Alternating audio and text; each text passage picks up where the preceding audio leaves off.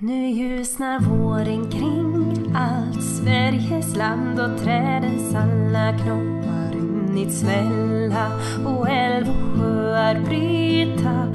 Isens band och muntert bäckarna i mossan kvälla. Det skimrar gult vid minsta dikeskant Då vill jag hälsa er välkomna till Radio Mises avsnitt 142. Idag har jag fått med mig Rickard Dahlin till studion. Eh, lärare som har pratat om frihetliga frågor tidigare. Också fritidsskribent på mises.se. Eh, vi kommer självklart sitta ner och prata om skolan. Vi kommer börja prata om den offentliga skolan, vad det egentliga syftet är med den offentliga skolan. Sedan glider vi in på lite mer privatskolefrågor. Eh, välkommen Rickard! Ja, tack! Kul att vara tillbaka, det var ett tag sedan. Ja, jag lyssnade på avsnittet med dig och Klaus eh, inför dagens eh, träff här. Väldigt intressant. Det handlar ju mer om din bakgrund som lärare och eh, din syn på hur skolan utvecklas. Mm. Hoppas att det blir lite annan vinkel på dagens avsnitt, så det inte blir repetition bara. Men det tror jag inte det blir. Ja, nej, precis. Eh, innan vi glider in på dagens ämne eh, så vill jag fråga dig kring det här arbetstagarna. Alltså eh, någon form av fackförening för goda människor, eller hur ska man se på det? Ja, det var ju Klaus som frågade mig om jag eh, ville vara med där. Och, eh, min första spontana tanke var fackförening, det är ju, det är ju för kommunister och socialister, det, det är ju inte alls min kopp te. Jag har dessutom under stor del av mitt yrkesliv inte varit med i något fackförbund. Men eh, syftet är väl, eh, om man ska titta långt framåt, att helt enkelt eh, få socialdemokratin och, och den biten, LO, eh, Socialdemokraterna, att nästan till ruttna inifrån, att ta över deras medlemmar. För väldigt många eh, fackanslutna inom LO-kollektivet, alltså folk som har så att säga riktiga jobb, IF Metall och sådär, stödjer inte sossarna längre eftersom sossarna inte stödjer arbetarna. Så då såg vi att här finns det ju ett tomrum som vi kan fylla så vi kan ju faktiskt starta en fackförening där folk som absolut inte vill stödja sossarna kan gå med och ändå få den fackliga hjälpen eh, och på sikt också de här försäkringarna och sen också att de arbetarna, för många blir ju uteslutna. Det, det var ju, det var väl någon kille uppe på något SSAB eller vad det var i norr någonstans som, som blev utesluten för att han hade blivit vald av sina arbetskamrater att vara eh, facklig representant men eh, blev utesluten för att han också satt med i SD på kommunal nivå. Eh, och det är inte särskilt demokratiskt men det är så sossar och vänsterpartask jobbar. Så då tänkte vi att nu har vi ett ypperligt tillfälle här att starta upp någonting för alla de här och det är ju flera hundratusen människor som eh, som, som ingår i LO-kollektivet som inte stödjer Socialdemokraterna och faktiskt till och med bör avsky sossarna. Vilket man lätt kan förstå för, för de har inte gynnat svenska arbetare på flera decennier. Så att, eh, då såg vi att nu, nu har vi chansen att, att göra någonting som, som hindrar så, att Sverige utvecklar sig till ännu mer ett sosseland. Så att, eh, då drog vi igång Sen har vi stött på oerhört mycket patrull med både Skatteverket och banker, men nu äntligen så ska vi faktiskt dra igång i skarpt läge här. Kanske redan nästa vecka så ska det nog börja hända saker. Så att nu, nu är vi på banan och ska vi försöka göra allt vi kan då. Jag brukar säga så här, jag vill kunna säga till mina barn på dödsbädden att jag gjorde allt jag kunde för att stoppa socialdemokratin i Sverige. Så får vi se hur långt vi kommer. Men eh, man kan inte ge upp förrän man har försökt. Mycket spännande och väldigt eh, oväntat steg för en libertarian, precis som du sa. Ja. Men är ni, liksom, men, men, men är ni politiskt eh, obundna på något sätt? Eller hur ska ni hjälpa arbetarna i eh, sådana frågor? Ja, nej, vi har inga, inga samarbete med något parti. Uh, många, ja, vi blev utmålade som högerextremister då tydligen. Um, vilket är lite kul eftersom jag och Klaus är libertarianer. Men uh, tanken är att vi ska kunna hjälpa folk med de frågor som, som dyker upp på arbetsplatserna. Men att de ska känna att eh, vi är en, en motkraft mot socialdemokratin i Sverige.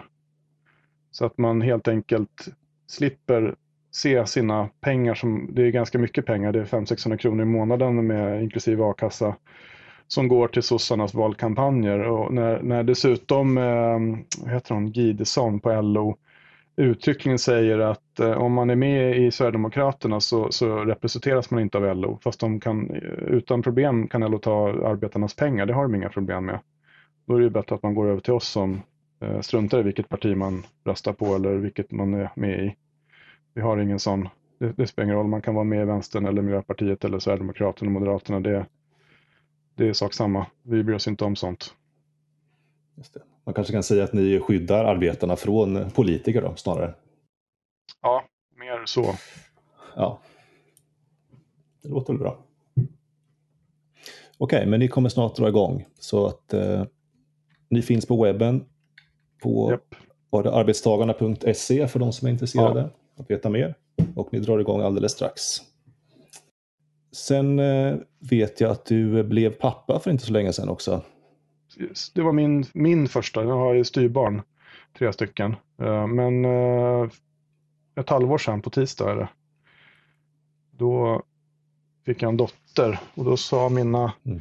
det är också lite kul, när jag pluggade i Uppsala 2013 till 2017 så sa mina, jag hängde mest med, med mina socialistvänner faktiskt, vi, vi kom jättebra överens.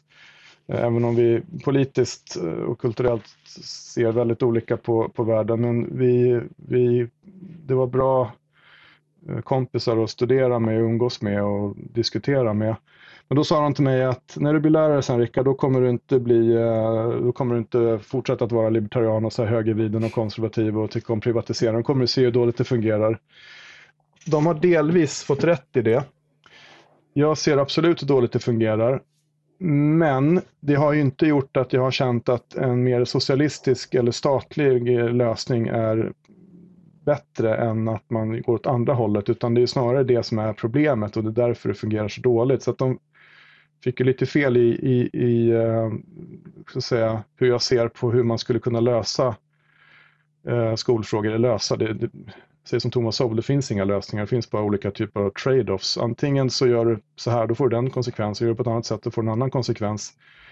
Och sen har många sagt till mig också att du kommer bli feminist om du får en dotter. Eh, det har ju också visat sig vara fel. Jag tänker också, man kan ju titta också på svenska feminister som då tycker att man, eh, det är viktigt att folk i Sverige ska få bära burka och slöja och sån skit. Eh, medan feministerna i Iran, de kämpar emot det. Så jag vet inte, jag kanske skulle se mig själv som iransk feminist då möjligtvis. Men eh, där har det inte heller skett någon förändring hur jag ser på saker och ting. Faktiskt, trots att jag har en dotter. Som är liksom det absolut viktigaste för mig i hela livet förstås. Mm. mm. Ja, det är spännande att eh, det kanske finns värden som är större än eh, den moderna politiserade feminismen och ja, deras agendor. Det gör det verkligen. Det kanske finns annat också. Ja. Mm. Uh, Okej, okay. ja, jag fick ju en son också för sex månader sedan ungefär. Ja. Och jag vet inte om det har förändrat min världssyn så himla mycket egentligen. Men uh, det känns ju mer angeläget än någonsin att alltså framförallt hålla om sina egna på något sätt. Och uh, ja få ordning på livet runt omkring och en stabil tillvaro. Och i största möjliga mån undvika galenskaperna som pågår där ute. Ja, kan, kan inte du känna också när man blir pappa att det uppstår ett större behov av att skydda barnen från, som du säger, galenskaper och vilket också mycket av det skiten som ungarna matas med är ju från skolan. Styvdottern kom hem här eh, Eh, bara för några veckor sedan och, och pratade sig väldigt varmt om invandring till Sverige och det är ju, är ju faktiskt en fråga som är så att säga värdeladdad. Det, det finns inte det, det, det, är olika åsikter, du kan inte säga det här är rätt eller fel, utan olika tycker olika. Jag vill personligen inte ha någon invandring till Sverige om det inte är så att folk kommer hit och fyller ett rejält behov på arbetsmarknaden, det vill säga att man, man tar jobb som vi inte har kompetens för. Då kan jag tycka att det är bra med invandring. I övrigt så vill jag faktiskt inte att folk flyttar hit som inte har här att göra. Eh, så att den frågan ska ju inte en lärare sätta grill i huvudet på min styvdotter utan det, det ska ju vi som, okej okay, styvdotter då, men eh, hennes föräldrar är de som ska sätta värderingarna i henne, inte skolan. När jag har jobbat som lärare har jag varit väldigt tydlig med att jag inte håller på med värderingsfrågor. Jag har sagt det till föräldrarna rakt ut. Alla sådana eh, frågor som, som rör att man kan tycka olika.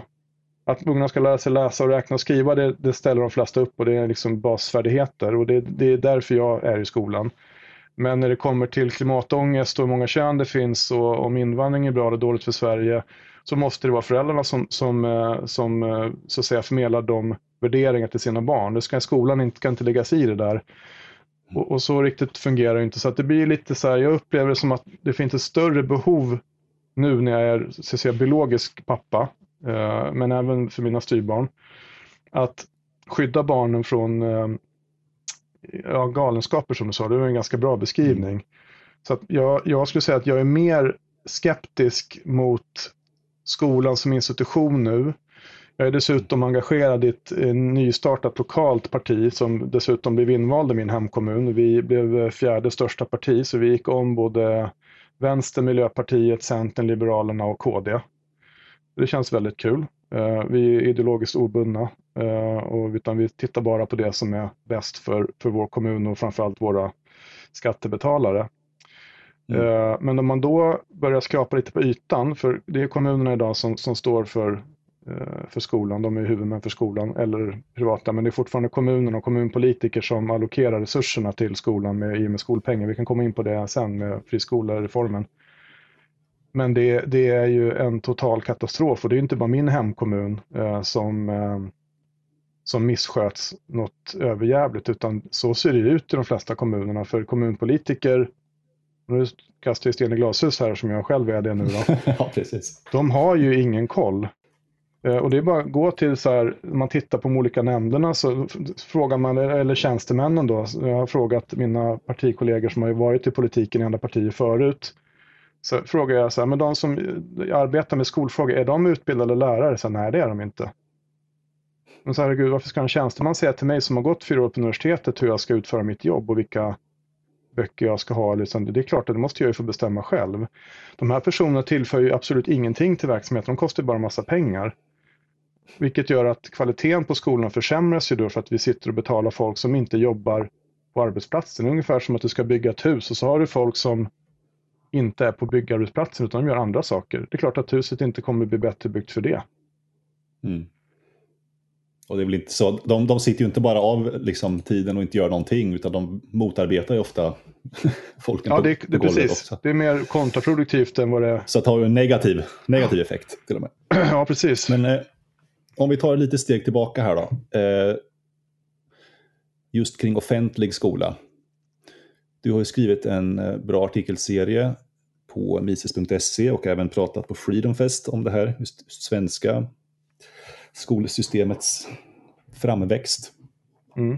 Jag själv tänkte ta ytterligare ett steg tillbaka och prata om ursprunget till eh, den statliga skolan.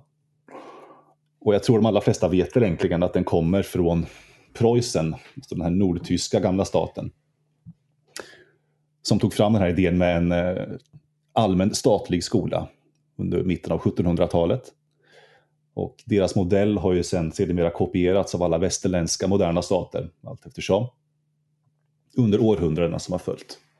Och tänker man på Preussen, i den mån man tänker på Preussen, så är det väl kanske två saker. Då. Det första är ju då att det här med att de tog fram den allmänna skolan.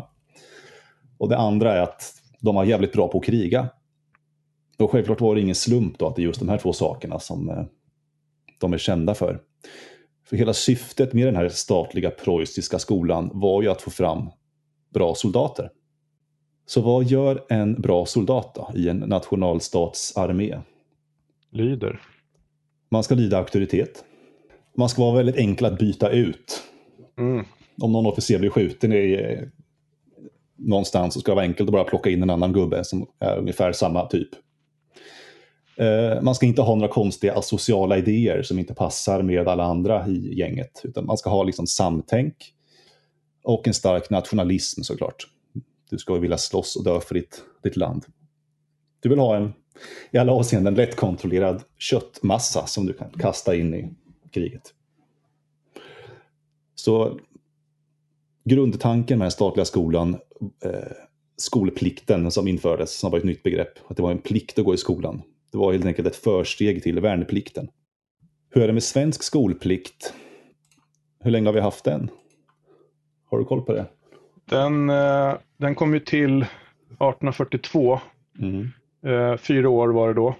Uh, nu kommer jag inte ihåg alla årtal, det står i min artikel, så där går jag gå igenom allting. Även tiden innan 1842, men framförallt vad som hände efter där. Men den har ju då gått från fyra år, sen utökas den ganska fort, det kanske var till och med 1846. Så blev det sex år. Eh, och sen höll den sig där ganska länge. Sen eh, införde man ju då mer renodlad, det hette enhetsskola först. Det prövades på olika ställen, bland annat i Gimo 1955, där man ställde den här nioåriga enhetsskolans elever, man hade prövat det under en period, eh, mot realskolans elever.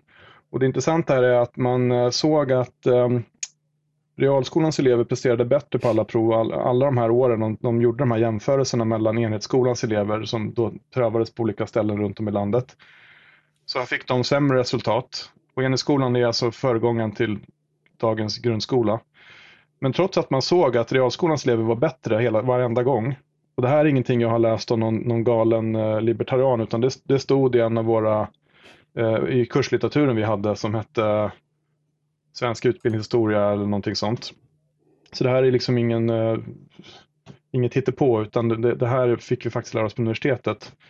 Och eh, trots den insikten då så införde man ändå grundskolan 1962, kom första läroplanen och då var den nioårig.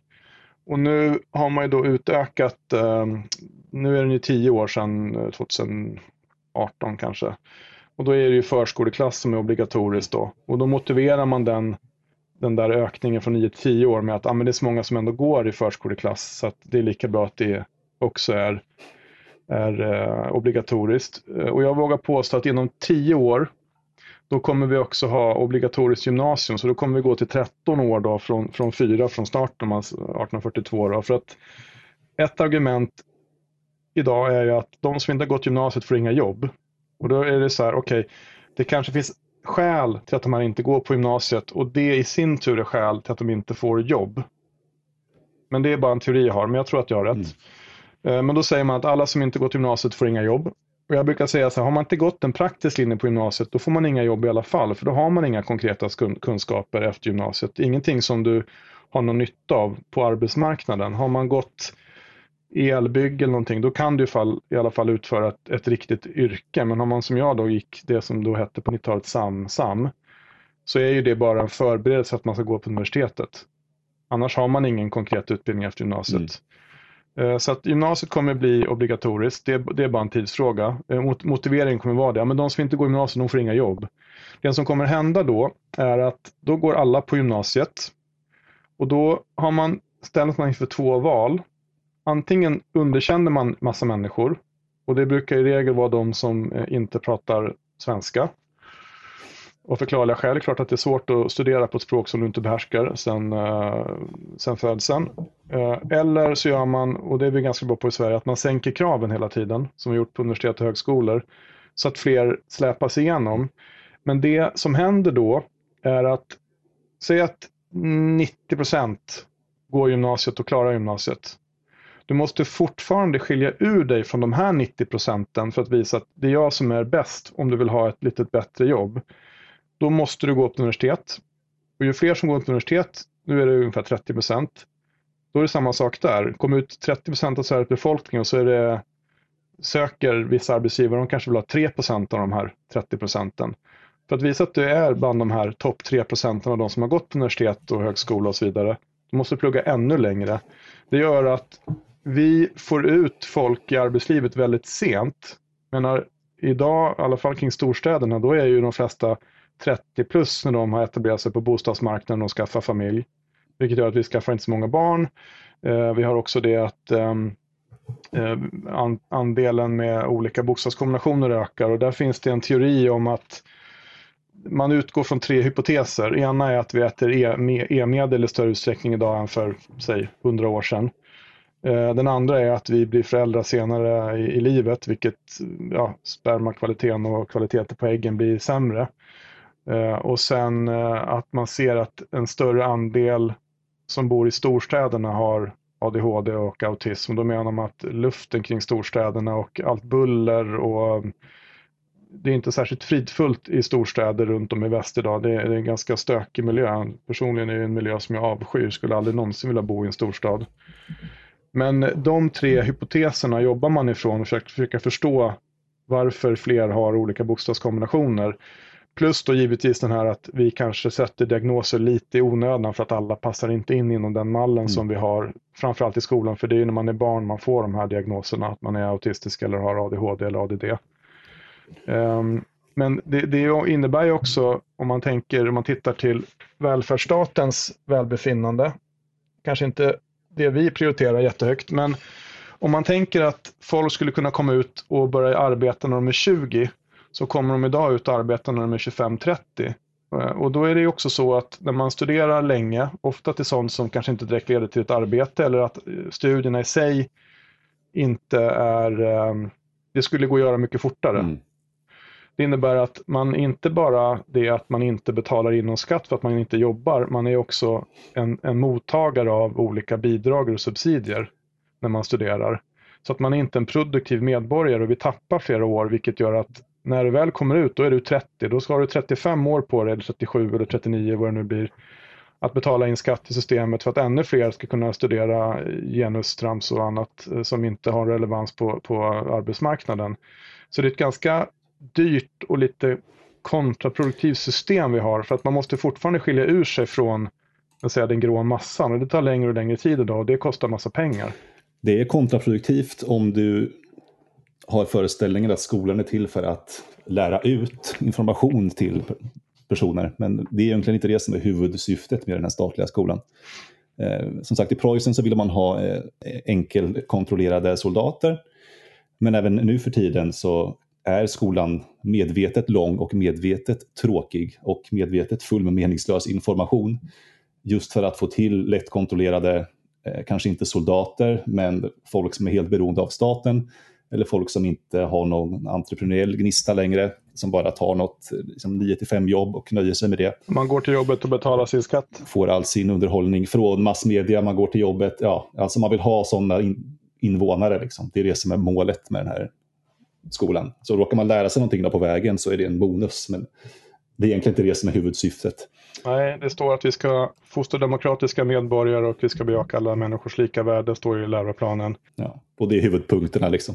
Ja, nu har det kommit en ny läroplan eh, som heter Lgr 22. Eh, eftersom jag inte jobbar nu då, så är jag inte riktigt inläst på den. Men den från 2011, som är eh, den som kom efter LPO 94. LPO 94 är en sån här läroplan som är mycket av de här flumidéerna från 70-talet slog ut eh, rätt hårt då, 90, 94. Men i Lgr 11 så står det faktiskt att man ska ha lite entreprenörskap, eh, det, det, ska främjas. Det står också att eh, starka elever ska så att säga, nå sitt fulla potential. Det är bara det att man har också ett, en ambition av den här jämlikhetssträvan och då är det jämlikhet inte i förutsättningar utan i utfall. Um, och det är ju en utopi som är helt omöjlig att nå. Det är ungefär som att i fotbolls-VM vill vi att alla lag ska vara lika bra. Uh, och nu ska vi jobba för det. Och det kommer man aldrig någonsin att uppnå. Vilket gör att skolan är, som projekt och grundtanke är, är, är, är en utopi som aldrig någonsin kommer införlivas. Så då, då blir det väldigt dyrt och man måste som politiker och även som lärare nästan till vända ut och in på sig själv för att försöka visa på att man har i alla fall ambitionen att det ska bli på det här sättet, även om man inser att det aldrig någonsin kommer kunna uppnås. Eh, och då har man det här med att um, man måste allokera om resurser till svaga elever, vilket dränerar resurser för starka elever som då skulle kunna starta företag och, kanske gynna svenskt näringsliv i vuxen ålder. Mm. Och sen blir det väldigt dyrt när man då har den här det här att all, alla skolor i hela Sverige, stadsskolan är någorlunda decentraliserad i form av att kommunerna har huvudansvaret. Eh, och sen har man också friskolor som ehm, eh, kan vara huvudmän, men ändå inom en så att säga, kommunal budget. Det är klart som korvspad att det kommer vara olika resultat runt om i landet.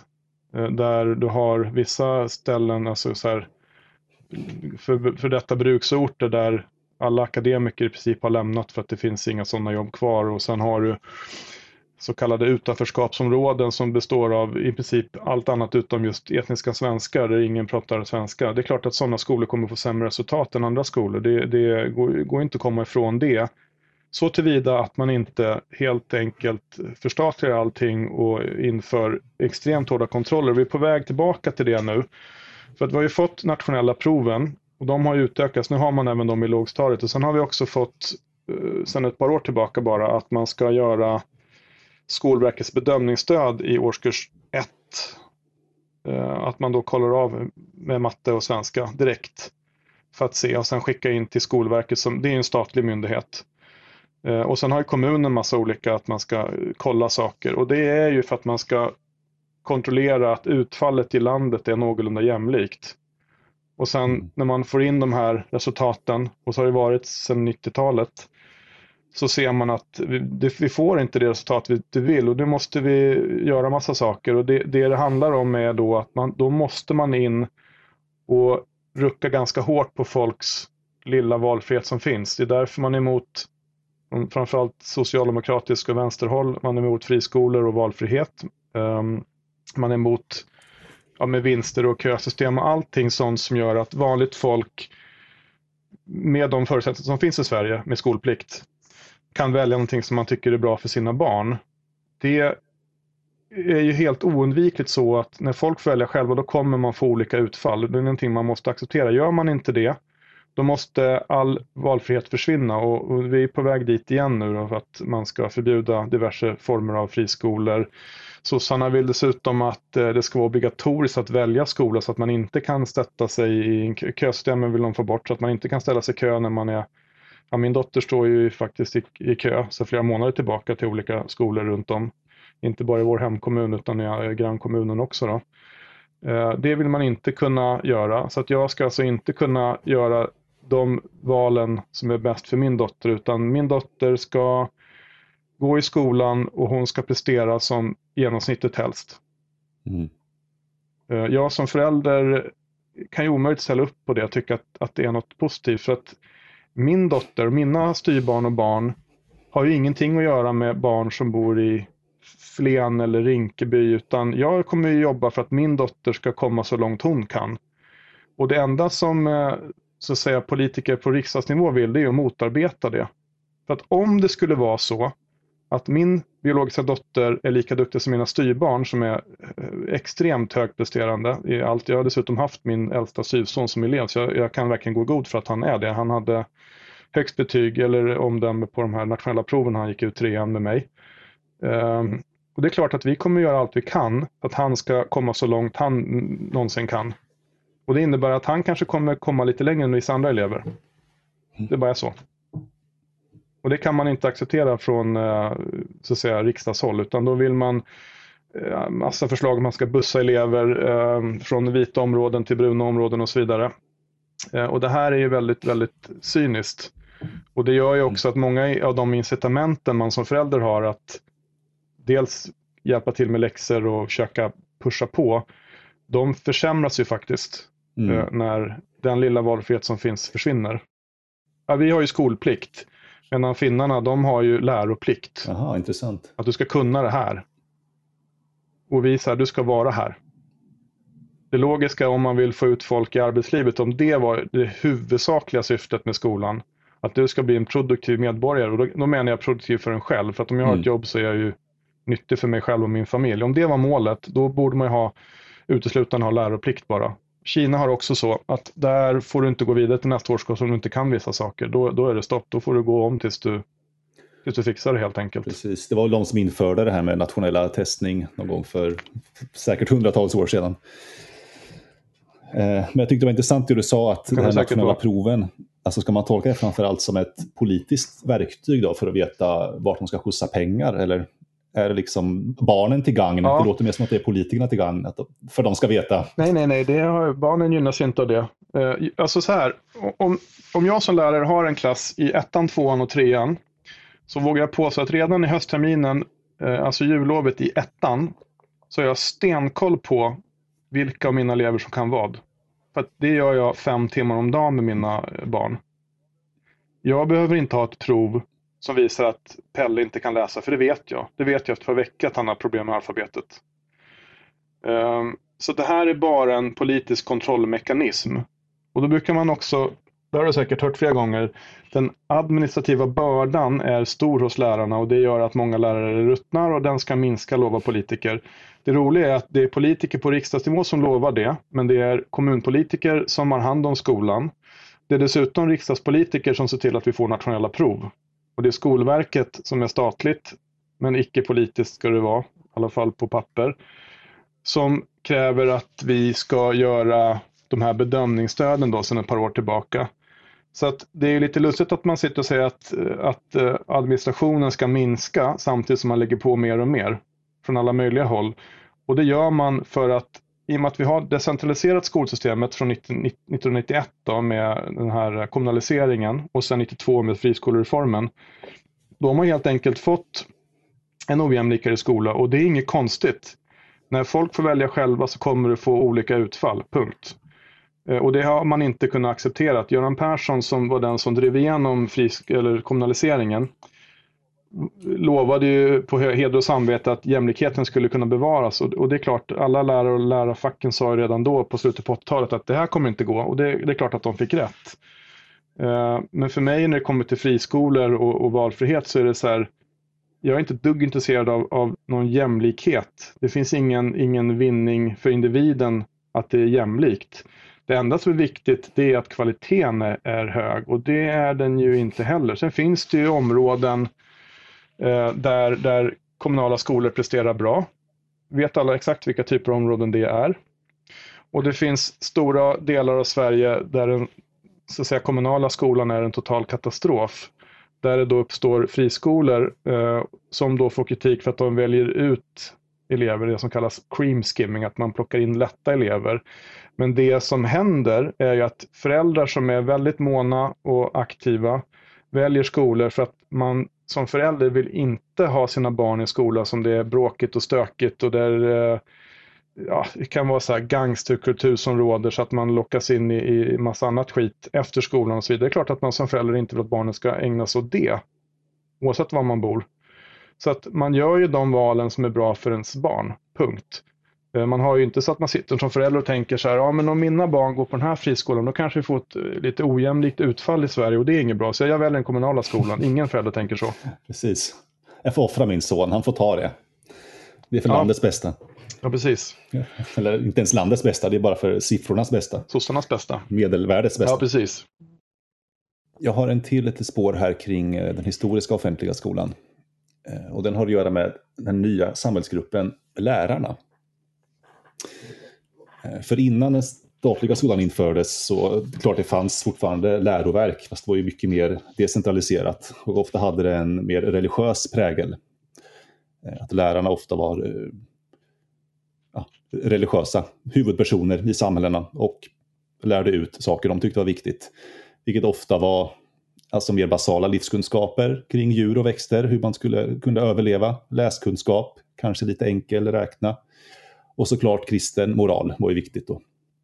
Men det som var intressant var att de här gamla lärarna, de ansågs inte lojala till det här nya systemet som skulle tas fram, där man ville ha lojala soldater. Så att de sparkades ut hela bunten och istället så tränade man upp en ny kår med byråkratlärare.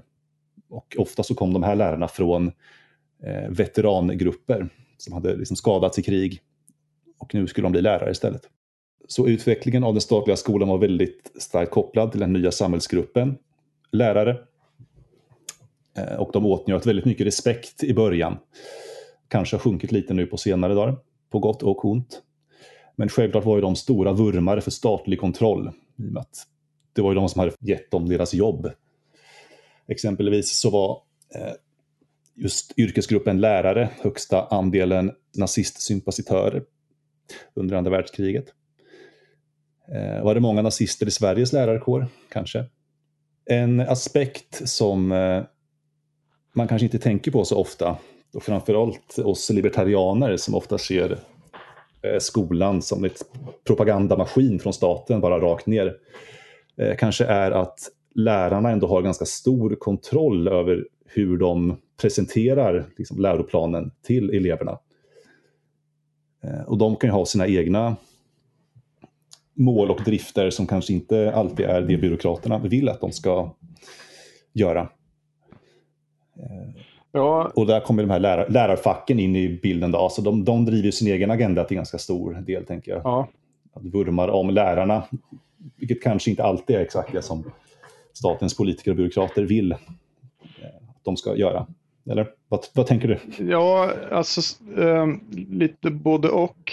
Eh, man ska ju komma ihåg att den gamla lärarkåren i Sverige, och gamla då menar jag 40, 50, 60-tal, det, det, var ju på den tiden ett statusyrke, så det var ju lite mer nästan till överklass. Mm. Eh, eftersom de tjänar ju, alltså skulle vi ha samma lön som på 60-talet idag så skulle en lärare tjäna 70 000 ungefär. Och det, det vågar jag påstå, det är ytterst få lärare som gör det. De flesta ligger nog eh, under 50 i alla fall. Eh, det verkar vara ett spann mellan 30 och 50, lite beroende på var i landet. Eh, så det, det som har hänt med lärarkåren är att den är ju, har ju en kraftig slagsida åt vänster. Vilket gör att många av lärarna idag är ju sådana som, om man går till läroplanen, så bejakar alla människors lika värde då, som kan betyda i princip vad som helst och dessutom absolut ingenting. Mm. Eh, för det är ju väldigt ehm, det är ju kontextbundet brukar jag säga. Akilov, är han lika mycket värd som någon annan? Eh, mitt svar är ju klart han inte är. Och för mig är han ju inte värd någonting. Mina barn är ju det som är värt mest för mig och min, min fru och, och så. Och sen sipprar det ner till släkt och vänner och så vidare. Så att alla, alla människor är ju absolut inte lika värda för mig. Mm. Och, och, det är ingen vettig människa. Jag skulle påstå att man är en ganska dålig människa om man säger att Akilov är lika mycket värd som, som mina barn för mig. En sån människa skulle jag inte vilja umgås med, som, som bejakar människors lika värde fullt ut. För det, det, det är ju fruktansvärt om man gör det. Men eftersom lärarkåren då har den här progressiva slagsidan så får du också barn som får matas med det. Eh, jag, jag brukar vara väldigt tydlig med till, till de föräldrarna vars barn jag har att eh, alla värderingsfrågor som, eh, som, där, där det inte finns ett eh, svart eller vitt eller rätt eller fel eller eh, ja, men migration och genus eller ideologier. Så ska vi höja eller sänka skatten? Så det, det, det går inte att säga att det här är rätt eller fel utan folk tycker olika där. där har jag ingen, jag ska inte sätta åsikter i huvudet på mina elever. De ska inte heller veta vad jag personligen tycker om saker och ting och det har faktiskt varit rätt skönt. Det var en klass jag hade i två år var en, eh, inför valet 2018 så frågade han så här, vilka röstar du på? Så här, du behöver inte veta det. det. det. spelar ingen roll vad jag röstar på eller vad jag har röstat på eller tänker rösta på. Um, för det är inte relevant. Ni barn behöver inte veta det. Så att alla sådana värderingsfrågor har jag bara släppt. Mm. För det ska inte heller vara så att så här, ja men Eh, Rickard är eh, jättekonservativ och extremt högervriden så att alla hans elever kommer ut som eh, liksom typ anarkokapitalister. Det är inte mitt mål. För att då kommer föräldrarna säga, vad, vad håller du på med? Det är inte min eh, det är inte min uppgift i skolan, ska inte vara i alla fall. Men det är klart att lärarkåren idag, i och med att den har den slagsidan, så, så, så får man ju också att det blir mycket värderings och känslostyrt framförallt i klassrummen idag. Vilket många gånger står i, i konflikt med, med vad föräldrar tycker. Som, som jag som bor eh, i en eh, ja, men typ landsbygd, en liten ort utanför, eh, ligger i, i södra Uppsala. Så slutade jag jobba och så tog min klass över av en lärare som är helt fantastiskt duktig men det är rosa hår och det är prideflaggor och hela den biten. Så att, då var det en pappa som kom fram till mig och så frågade han så här, ah, Rickard när kommer du tillbaka? Så, Nej, jag, jag, jag gör inte det. Nej, för min dotter nu har hon kommit hem och är alldeles könsförvirrad. Nu har hon suttit och pratat om uh, kön här och, och hon vet inte riktigt om hon är tjej eller kille och det har vi alla haft problem Hon är åtta år gammal. Och så här, men herregud, de frågorna ska inte diskuteras i skolan. Hon, hon ska ju liksom lära sig läsa och räkna och skriva. Hon går i lågstadiet. Mm. Det är fokus. Och sen är det lite fotosyntes och lite historia och istid och vikingatid och sådana saker. Men de här värderingsfrågorna ska inte, det ska vi inte hålla på med. Men det görs ju. Och då kan man komma ihåg också att när man lägger tid Kom, kommer det uppifrån eller kommer det från lärarnas eget intresse? Nej, det kommer från läraren själv. För det, det är ingen som direkt står och kontrollerar hur, hur, vi så att säga lever upp till läroplanen, utan det kontrolleras ju då lite av de här nationella proven som görs i årskurs 3, 6 och 9 och bedömningsstöden och sen lite, lite olika kontrollmekanismer från kommunens sida eller friskolans sida för att se att man helt enkelt gör sitt jobb. Men det är ingen som... Eh, den frågan fick jag för ett par år sedan också på någon, någon middag när jag pratade skolfrågor. Det var någon som frågade, är det någon som kontrollerar att, att ni följer läroplanen? Jag sa, nej det, det är klart att det inte är. Så att jag kan ju nästan till stå och säga vad som mm. helst i klassrummet.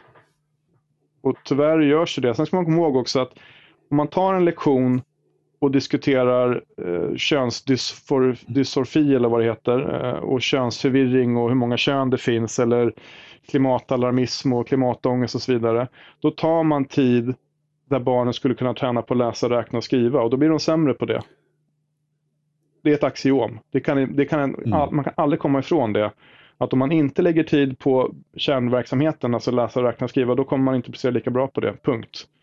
Och, och där har vi ju eh, väldigt många som, som ägnar sig åt annat än det, eftersom det är det mm. som är mm. jobbigt i skolan.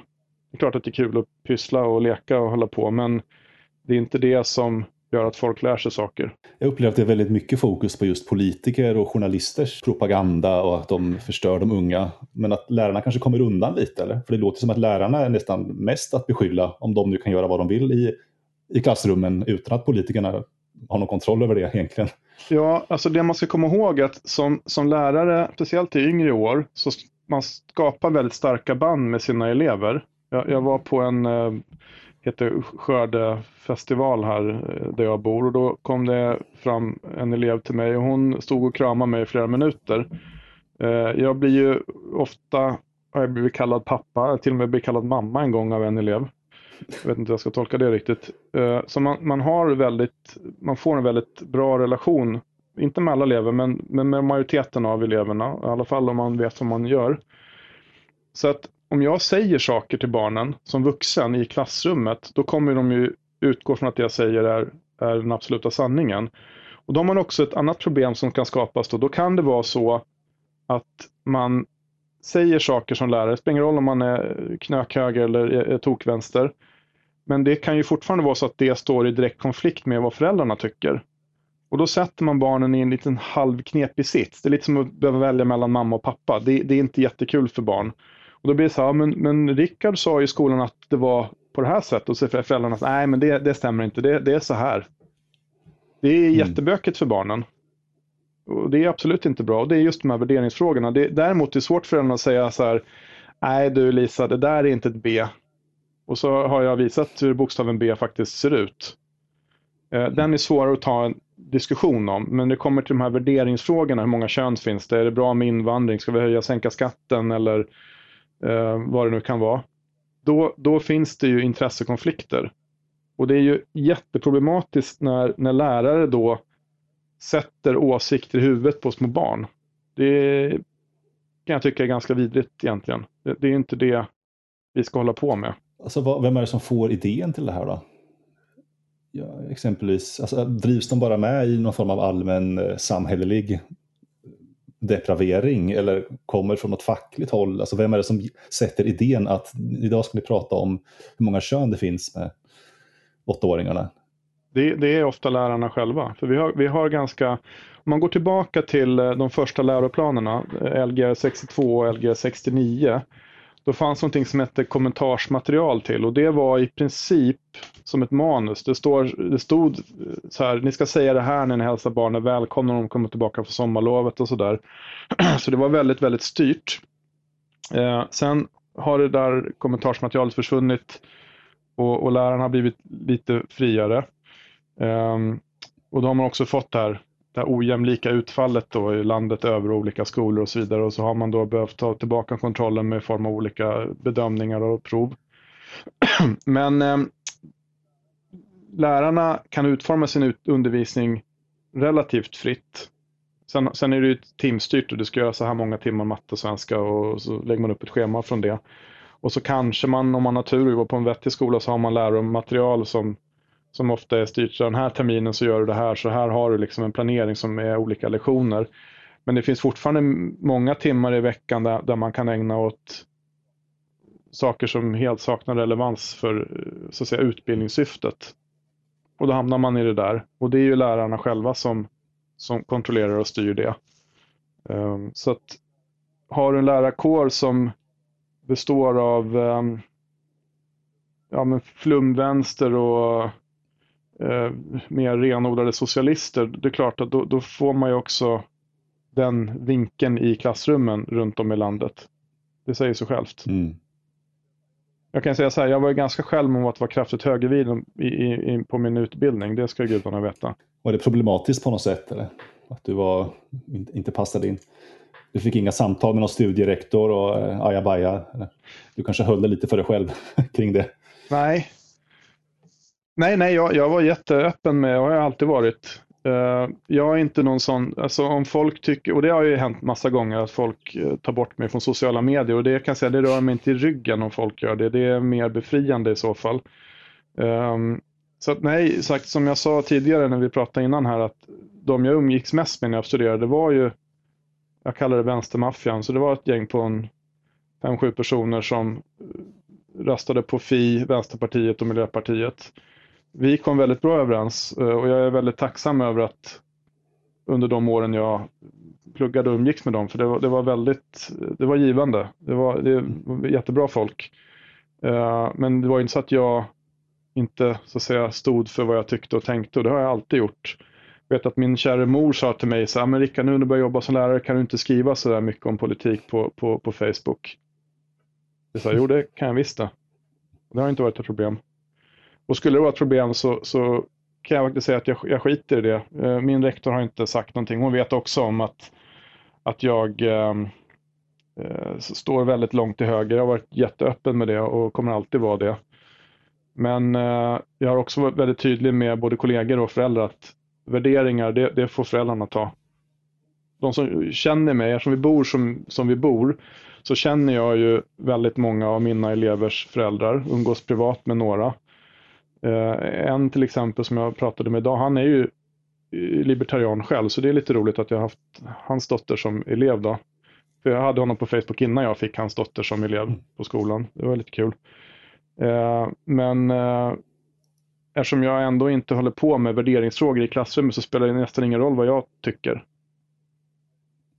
Utan då får, då får man ju helt enkelt se till att de klarar av de här mm. nationella proven när man då faktiskt prövar om de mm. kan läsa, räkna och skriva fokuserar man på det så kommer man, kommer man mycket längre än de som håller på med annat trams bara.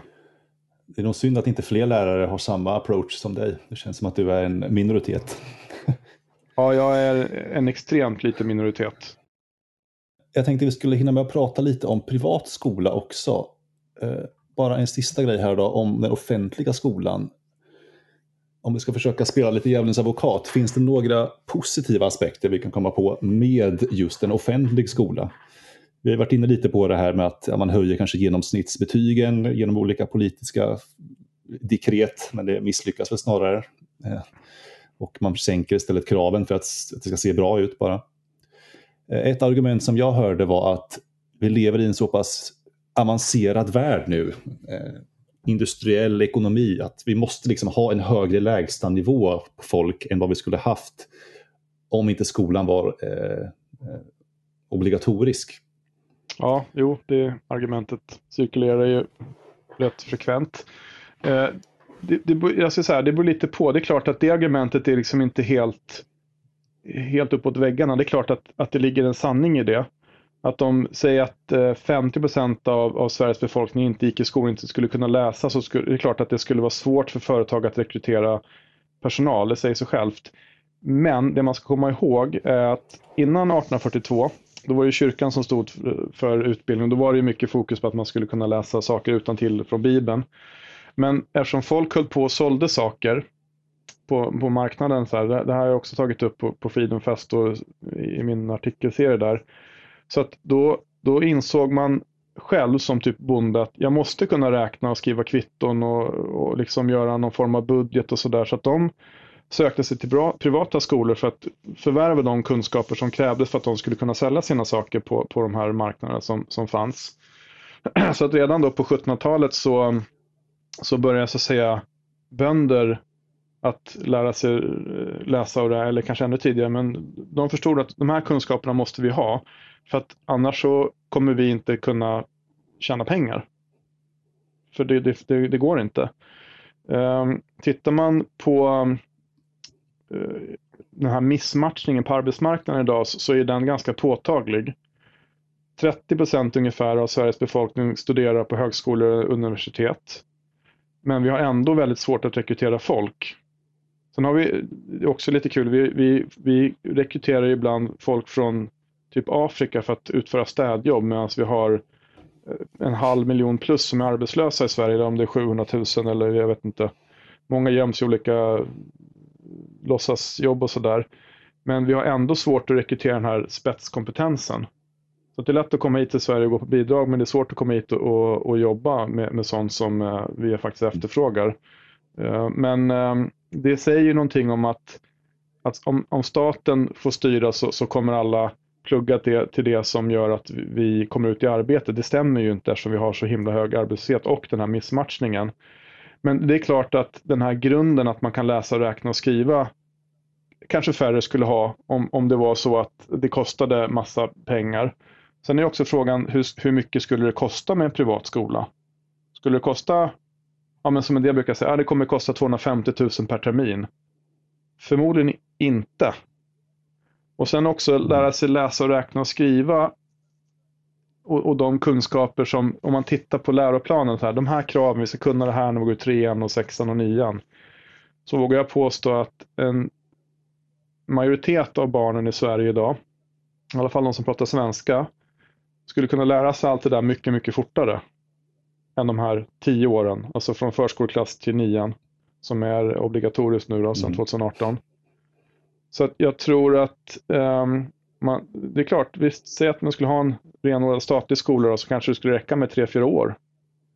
Sen skulle majoriteten kunna läsa, räkna och skriva. Sen skulle man då kunna kanske hitta lite olika inriktningar privat.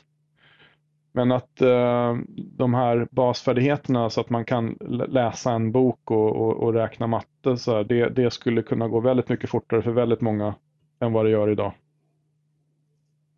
Mm. Det känns som de här bönderna du pratar om knappast skulle läsa mycket genuskunskap eh, utöver att eh, få till den här basala matten de behövde för att utföra sitt jobb. De var nog ganska inriktade på det som verkligen behövdes. Ja, så här, man, man studerar det som ger avkastning, för utbildning är ju en, en slags investering man gör. Och det är klart att mm. då vill man ju få, och det är också det här är en av de stora följderna som jag ser det med, med, med en privat skola, att du kommer vilja få ut så mycket som möjligt ur dina investerade pengar om du betalar för dina barns skola direkt från din plånbok och inte via plånboken till kom kommunen som då försvinner en massa pengar i onödan och sen sipprar ut lite grann till skolan. Det är klart att man skulle vara väldigt mycket mer noggrann i vad man väljer och när man betalar direkt. Precis som när du är konsument så köper du den maten du vill ha och den bilen du vill äga och det huset du vill bo i och så vidare. Man blir mer, eh, man blir mer noggrann då när, när pengarna går raka vägen från plånboken till den varan man vill köpa. På tal om pengar raka vägen från plånboken till det man vill köpa. Privat skola.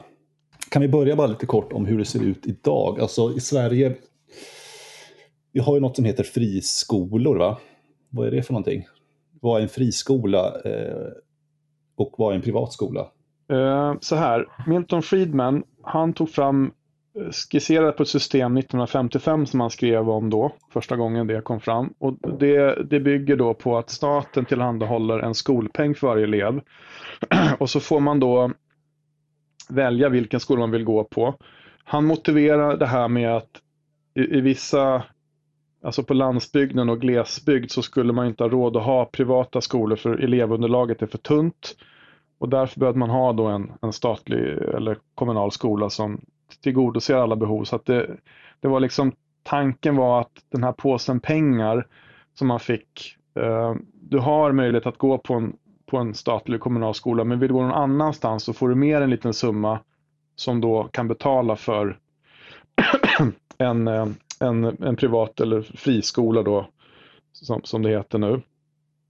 Eh, sen om man då tänker privata skolor, jag har själv gått på, på det som var en riktig privatskola, SSHL, alltså Sigtuna skolan Humanistiska läroverk heter den, men den mm, så att säga benämningen privatskola försvann under Jan Björklund. Då gjordes de, det fanns SSHL, Lundsberg och Gränna, tre så internatskolor. Och då försvann den statusen för då kunde de ta terminsavgifter. Eh, jag som är född 1979, jag gick på kommunala pengar, men de som är födda 1980 i, i Sigtuna där jag är född och uppväxt, där fick man betala. Sen försvann den möjligheten då. Jag kommer inte ihåg vilket år, men det, det var under förra borgerliga styret. Och då gjorde man om alla de här skolorna till, till vanliga friskolor med, med skolpeng så att terminsavgifterna och den här privata skolan försvann. Så vi har inga privata skolor i Sverige längre. Um, så alla skolor som är så att säga privata idag är friskolor, vilket innebär att vem som helst kan ansöka att gå där. Och det är kommunen som då bestämmer skolpengen för varje elev. Det brukar vara ungefär 100 000 per år och barn. Så att då, om man går på SSHL idag i grundskolan, då är det kommun, Sigtuna kommun som betalar den skolan när en elev kommer. Problemet med det här systemet är att det, det, går ju att byta, det går ju att hatta fram och tillbaka mellan så att säga, en friskola och en kommunal skola, i alla fall i kommuner som har flera olika skolor. Då kan det vara någon förälder som är missnöjd med någon lärare eller att det är någonting som inte fungerar och så byter de skola fram och tillbaka. Och då är det svårt att budgetera för skolorna för att har du 100 elever och sen helt plötsligt så slutar det sju elever för att de är missnöjda, då har du tappat 700 000 i budget mitt under pågående termin. Så det systemet har ju också sina brister, ska man komma ihåg. Eftersom du får pengar månadsvis för varje elev.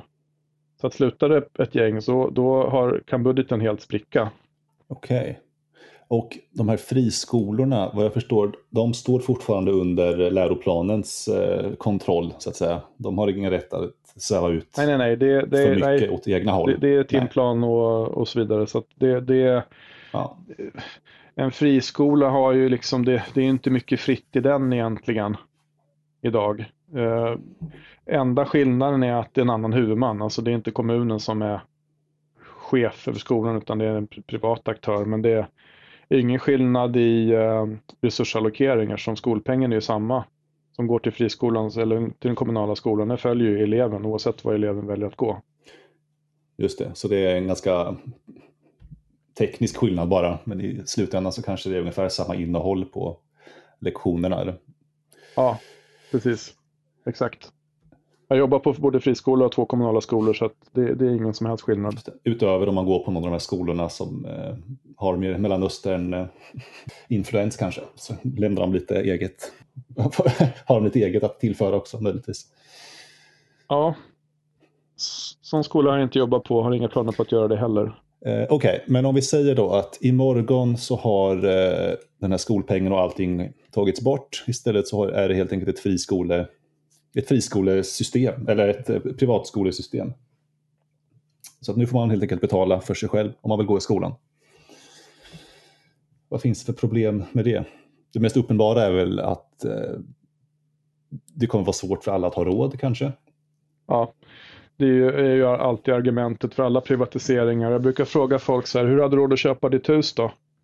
Eller din bil för 400 000 och då brukar man komma underfund med att man har lånat pengar till det. Eh, så jag skulle väl tippa på att två saker, eller tre saker skulle hända. Vissa skulle inte ha råd att gå i skolan. Tough shit, så kan det vara. Och sen så skulle det uppstå en kreditmarknad där eh, man lånar pengar för att barnen ska kunna gå i skolan. Sen tror jag också att skolan skulle bli väldigt mycket dyrare. Vi gjorde ju ett räkneexempel innan vi började sändningen. Och då sa jag, man brukar ha ungefär 25 elever i en, i en klass. Och det skulle kosta, vi säger då 3000 i månaden. Året runt. Så 75 000 i månaden skulle jag som lärare få.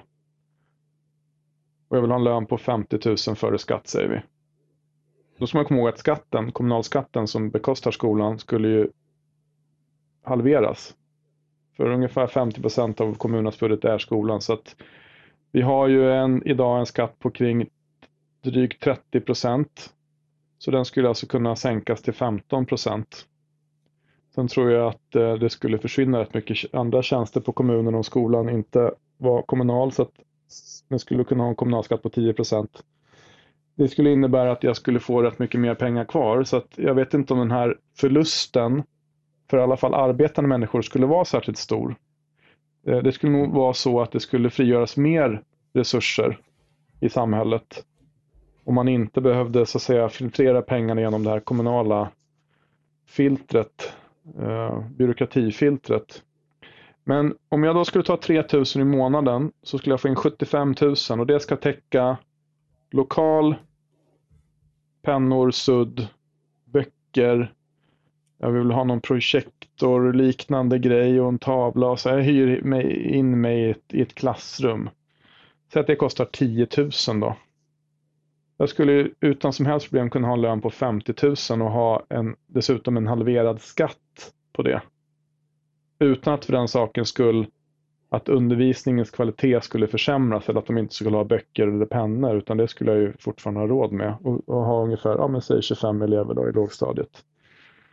Ehm, sen är det väl så att problemet, och det är också lite roligt med Sverige, att problemet är för de som inte jobbar.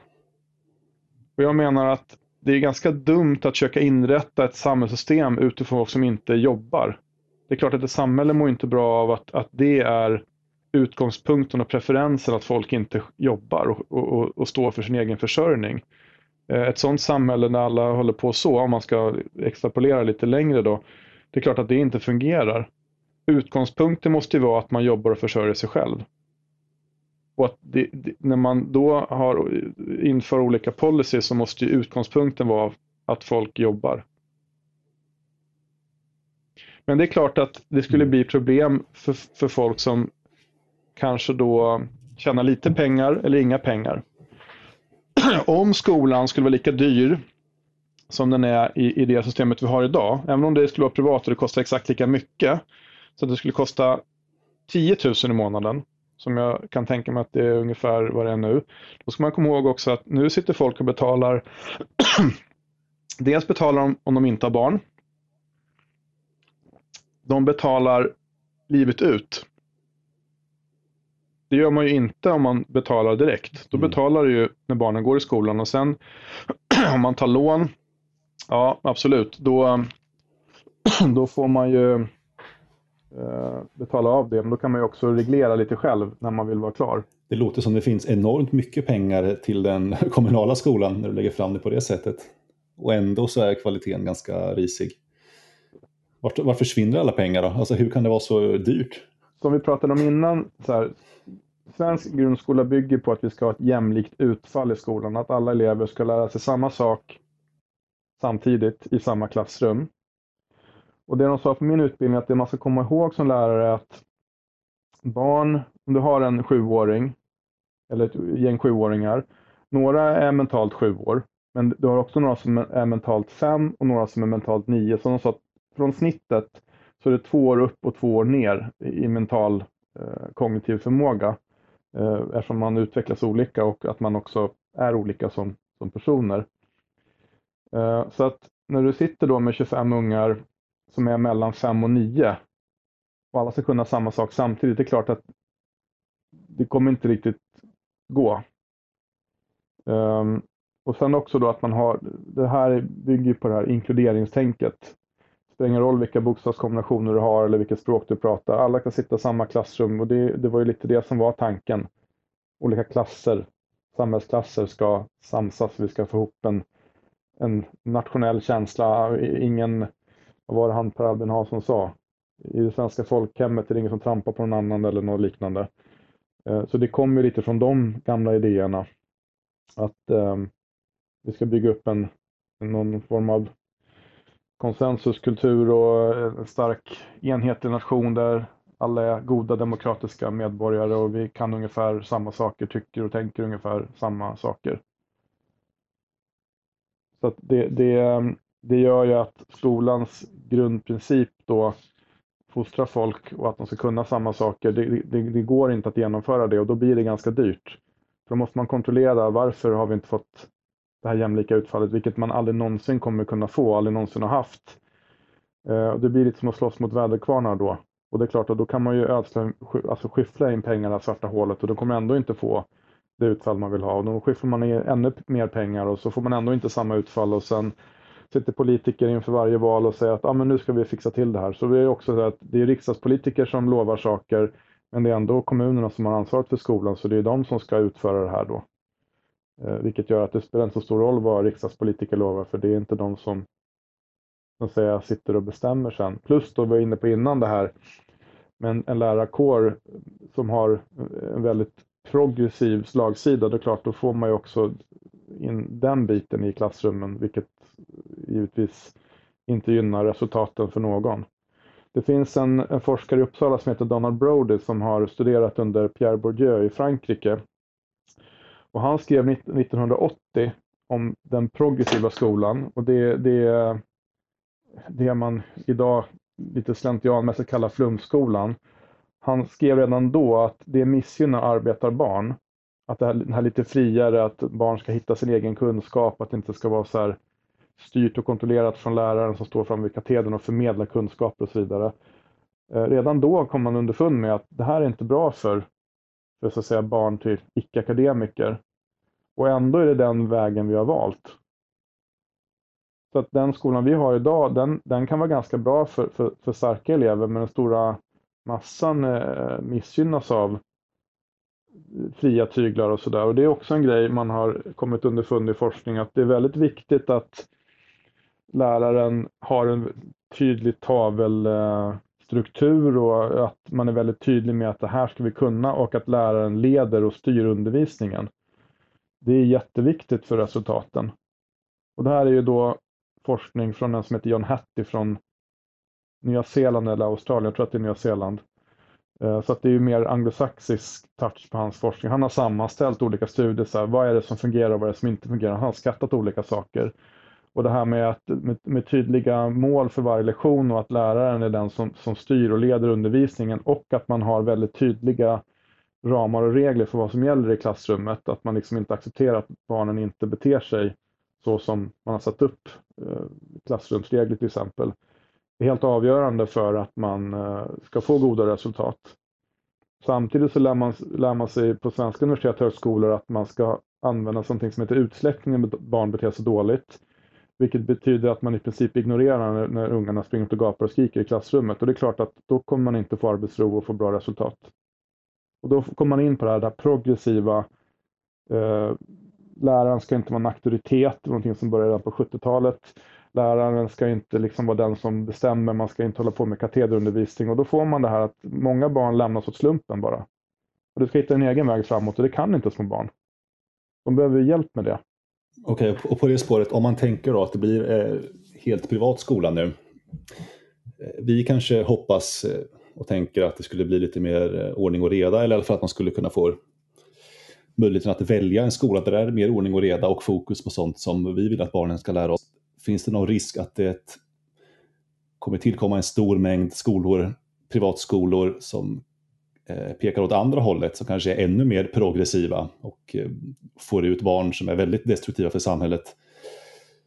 Eller eh, att det blir jättemånga sådana här islamistskolor som producerar ja, små terrorister. Finns det risk att det blir för mycket åt det hållet istället om det blir privat skola och hur skulle vi i så fall kunna hantera det? Ja, ja det är jätteintressant. Jag har också tänkt på det och eh, har kommit fram till tyvärr precis det där. Jag, jag brukar säga eh, att för att man ska kunna genomföra frihetliga reformer, då behöver Sverige bli eh, kulturellt mycket mer homogent än vad det är idag. Eh, det går inte att komma ifrån. Så en del brukar säga så att ja, men, eh, privatiseringar och repatrieringar är viktigt. Och då skulle jag nog säga att det viktigaste man behöver göra först är ganska omfattande repatrieringar av folk som inte hör hemma här. Sen efter det så kan man börja privatisera och införa mer frihetliga reformer. För så länge Sverige inte är eh, jag personligen skiter om det är etniskt homogent eller inte, men de måste vara kulturellt homogent. Eh, och de hänger ju givetvis ihop. Men så länge det inte är det så är, blir det väldigt problematiskt att genomföra, om man tänker vidlyftiga frihetliga reformer, som att man helt privatiserar skolan. För att skulle vi göra det imorgon på måndag, då skulle vi absolut få, vi har redan islamistskolor i Sverige. Vi har, eh, det finns ett avsnitt med, med Solsidan när de letar förskola och hamnar inne på Södermalm där de inte ska köna barnen och han blir så här, det här, det här känns konstigt. Det finns ju redan. Allt det där finns ju i Sverige.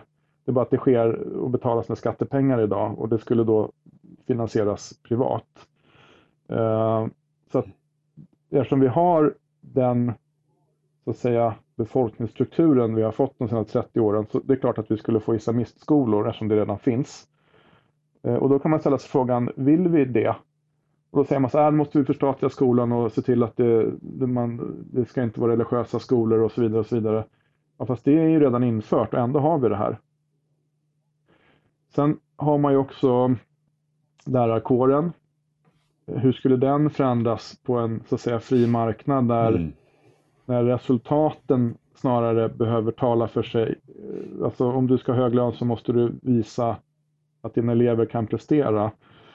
för det som är så tacksamt att hålla på med eh, trams helt enkelt, är att det går inte att mäta. Du, du kan inte visa att eleverna ha, har lärt sig någonting av vikt. Däremot har du ett matteprov så är det ganska enkelt att se att oj, dina elever kan inte plus och minus. De går i fyran nu.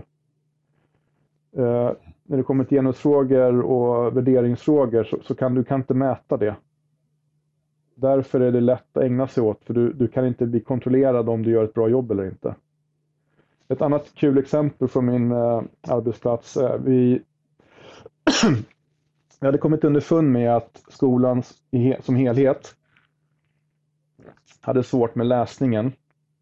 Satt vi på höstlovet och skulle diskutera vad vi skulle göra. Och då ägnade vi en timme, en timme av fem den dagen åt att komma underfund med att vi inte skulle köna barnen, det vill säga inte säga hej killar, kom igen nu tjejer. Istället för att diskutera hur gör vi för att vi ska få fler att kunna läsa på ett bra sätt. Och jag var arbetslagsledare då. Jag frågade min kollega varför, varför lägger vi tid på det här? Jag satt tyst en timme och var nästan lite chockad över att vi, vi, vi slutar inte, vi bara fortsätter diskutera det här, eller vi, de. eh, och då sa han, det är så bekvämt. Det är ingen som eh, kan mäta det här. Det är ingen som säger emot. Utan det, det, det leder inte till någon, någon förändring i klassrummet. Man kan bara tugga på. Du behöver inte visa upp att du har gjort någon förändring i ditt arbetssätt om du diskuterar att vi inte ska köna barnen istället för konkreta förslag. Hur ska vi få barnen att bli bättre på att läsa svenska? Det finns inget prat om att införa nationella prov i genuskunskap och lite mer mjuka värden då, så man kan få koll på det här, att det verkligen lärs ut. Alltså ge dem inga idéer nu. Okej, okay, jag tar tillbaka det. Jag får redigera bort det. Ja. Eh, det finns ju mycket mer att prata om här kring privatskola, men jag tänker att tiden drar iväg här lite. Eh, det kanske är så att du kan få komma tillbaka på ett till besök lite senare. Då kan vi vidga diskussionen kring privat skola ännu mer. För det är ett väldigt intressant ämne. Ja, absolut. Eh, som avslutning tänkte jag bara, mm. eh, om man nu har gått här då i en hopplös statlig skola och känner sig väldigt inkörd på progressiva idéer och vill ha hjälp att få lite nya insikter då har man redan lyssnat på Radio Mises, vilket är ett jättebra steg. Men eh, om vi har några fler tips. Jag har två stycken. Först så vill jag göra reklam för boken Jonathan Godtrogen av Ken Schuland. En amerikansk ekonomiprofessor. Eh, det är en bok som eh, passar alltså från väldigt ung ålder skulle jag säga. Eh, som är en, helt enkelt en sagoform där han går igenom olika libertarianska österrikiskt ekonomiska eh, synsätt på problem. Den är väldigt underhållande och väl att läsa, även för unga och för lite äldre. Finns även som ljudbok på Mises ljud. Sen så finns det något som heter Hoppe Unplugged. som kom ut väldigt nyligen. Och det är en sammanställning av Hoppes idéer i ett väldigt lättläsligt format. Eh, kanske en liten sida per frågeställning. Eh, väldigt enkel att ta till sig och riktar sig väl till ungdomar, vad jag förstår. Finns gratis som pdf på nätet. Hoppe Unplugged. Har du några tankar på eh, lättsmälta libertarianska texter eller kring österrikisk ekonomi? Oj, eh, eftersom du sa lättsmälta så, så, så blev det lite svårare. Eh, den spontana är ju så här Human Action med Ludwig von Mises, men den är allt annat än lättsmält och jag tror inte att den finns på annat språk än på engelska, eller den finns i alla fall inte på svenska. Eh, det är 900 sidor från 1949 eller vad det är. Eh, men inte Österrikes ekonomi, men jag, jag brukar ju lyfta eh, Thomas Sowell, för han har jag ju läst väldigt mycket böcker av. Jag tror att jag har 20 stycken böcker av honom i bokhyllan. Eh, för nu kommer till lättsmält, nu har ju han eh, på frågan hörde till Chicagoskolan, han har svarat ja, jag antar det. Eh, men ehm, han, eh, han förklarar ekonomi väldigt enkelt eh, och framförallt hans Basic Economics Eh, 600 sidor när han tar upp historiska exempel på när framförallt politiker har, har tänkt att de ska få ett typ av utfall och så inför de en policy och så får man ett helt annat utfall. För att man, ut, man han, han, eh, österrikare kallar det ju för praxilogi, att folk, folk agerar och så eh, olika eh, ekonomiska utfall eh, följer då. Eh, Thomas Sowell kallar det schackpjästeorin och det han menar är att när du ändrar förutsättningarna för folk, olika skatter eller policies eller regler eller vad det är, då kommer också folk ändra sitt beteende utifrån de olika förutsättningarna. Eh, det han menar är att politiker, med den här schackpjästeorin, att de, de tänker att ja, vi höjer skatterna så får vi in mer skatteintäkter och så, så visar det sig att folk flyttade därifrån för att skatten blev för hög och så fick man in mindre skatteintäkter. Folk agerar utifrån vad som är bäst för en själv. Eh, och, och det är lite det praxeologin också handlar om. Så att de kallar det olika saker och de har, Thomas Sowell har pluggat under Milton Friedman på Chicago School of Economics och sådär. Men han förklarar det på ett enkelt sätt. Han har till och med sagt på frågan eh, varför han skriver ganska icke-akademiskt och han sa det är för att jag vill att folk ska läsa mina böcker. Det är därför jag inte har massa grafer och, och, och krångliga förklaringar utan jag vill att folk läser mina böcker och förstår det jag vill ha sagt. Och han är ju så pass känd över hela världen så att han tänker väl också att många läser hans böcker på engelska som inte pratar engelska eh, som modersmål. Då. Så att den boken skulle jag rekommendera. Och sen är det väl också eh, Hans Hermans Hoppe, eh, Democracy, the God that failed, är ju väldigt, väldigt bra. Och då kan man också nämna det att det finns några av de historiska exempel som Hans Hermann Hoppe använder sig av som Thomas Sobel använde sig av redan på 70-talet. faktiskt. Så att jag vet att det ibland eh, kan råda delade meningar om vilken skola som är bäst eh, av Chicagoskolan och Österrikes ekonomi. Eh, och det är klart att de skiljer sig åt. Men det finns väldigt mycket likheter de skolorna emellan. Eh, där Chicagoskolan kanske är mer räkna på saker och lite mer matematisk, vilket den österrikiska skolan inte är lika förtjust i. Men, men grundprinciperna eh, är de samma. Utgångspunkten eh, i mångt och mycket delas. Eh, men Thomas Sowell han använder mycket historiska exempel på visar hur, om man gör så här då får du det här utfallet, även om syftet var ett annat.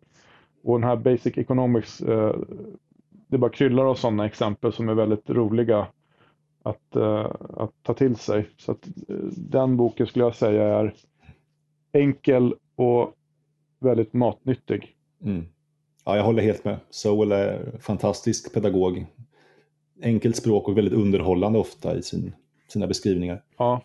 Ska vi runda av där då, så säger vi fortsättning följer då på diskussionen kring privat skola. Ja, vi skulle kunna utveckla det um, någon gång efter nyår där. Eh, jag höll ju på att prata på den här filosoficirkeln med Nicodemus Ung. Där diskuterade vi det och jag har fått in vi har diskussioner i gruppen där som, som har varit bra även för mig att få till med andra perspektiv på hur, hur vilka konsekvenser och för och nackdelar som finns med ett helt privat skolsystem. Så jag kommer skriva lite om det efter nyår och då skulle vi kunna följa upp det här eh, och ha lite flera synvinklar på vad som är bra och dåligt. Låter jättebra. Tack så mycket för att du hälsade på i radion igen. Ja, tack själv. Jättekul. Nu ljusnar våren kring allt Sveriges land och trädens alla knoppar runnit svälla och älv och sjöar bryta isens band och muntert bäckarna i mossan kvälla. Det skimrar gult dikes can't believe.